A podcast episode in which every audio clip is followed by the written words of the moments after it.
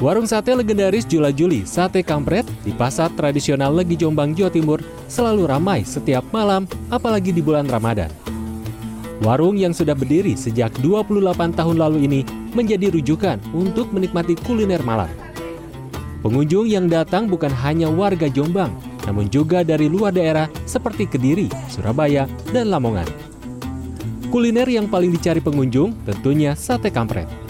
Sate kampret ini mempunyai ciri khas sendiri, yakni sate dari daging sapi, namun bumbunya tidak menggunakan kacang tanah, melainkan bumbu yang mirip bumbu ayam bakar.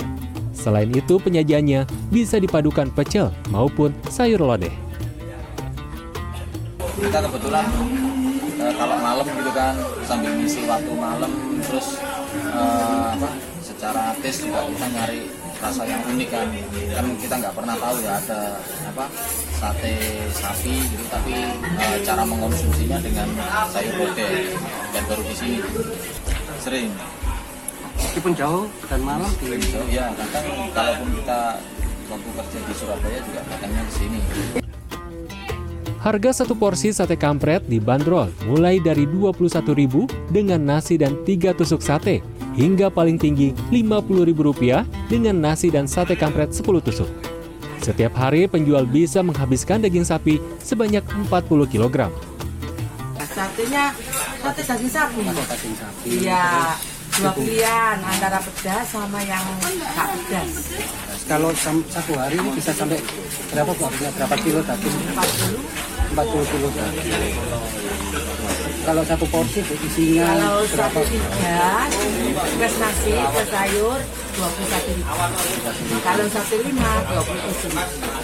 Kalau sate tok yang daging spesial daging lima puluh ribu. Yang campur empat puluh Sate Jula Juli Kampret ini sudah dikelola oleh generasi kedua. Diberi nama sate kampret karena sang pendiri biasa dipanggil kampret.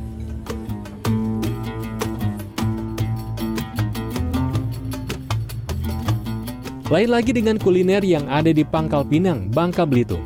Sekilas bentuknya memang mirip dengan ayam geprek. Tapi jangan salah, ini adalah puyuh geprek yang diolah dengan resep tradisional. Disajikan dengan sambal cabai merah dan sepiring nasi hangat serta sayuran segar, menjadi sajian lengkap untuk berbuka puasa. Menu ini juga bisa diolah sendiri di rumah. Untuk membuatnya, siapkan burung puyuh segar, cabai rawit, cabai merah besar, bawang putih, bawang merah, kunyit, daun salam, jeruk, lada, ketumbar, garam, penyedap rasa, dan gula. Haluskan lada, ketumbar, bawang merah dan putih, kunyit serta tambahkan garam. Selanjutnya campurkan bumbu halus dengan air dan daun salam. Letakkan puyuh di dalamnya. Beri gula secukupnya, tunggu hingga mendidih lalu angkat dan tiriskan. Goreng burung puyuh hingga garing.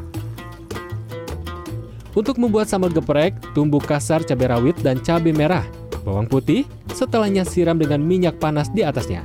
Lalu peras jeruk kunci, geprek puyuh, dan sajikan sambal di atasnya. Puyuh geprek itu ternyata nggak kalah sama ayam geprek ataupun lele geprek ataupun apa-apa yang digeprek gitu ya. Karena dagingnya juga empuk, eh, gurih, eh, meresap dengan bumbu geprek. Nah, bagi Anda yang sedang mencari rekomendasi menu berbuka ataupun sahur, puyuh geprek bisa dicoba dimasak. Rasanya yang nikmat dengan tekstur daging empuk dijamin semakin menambah nafsu makan. Tim Liputan CNN Indonesia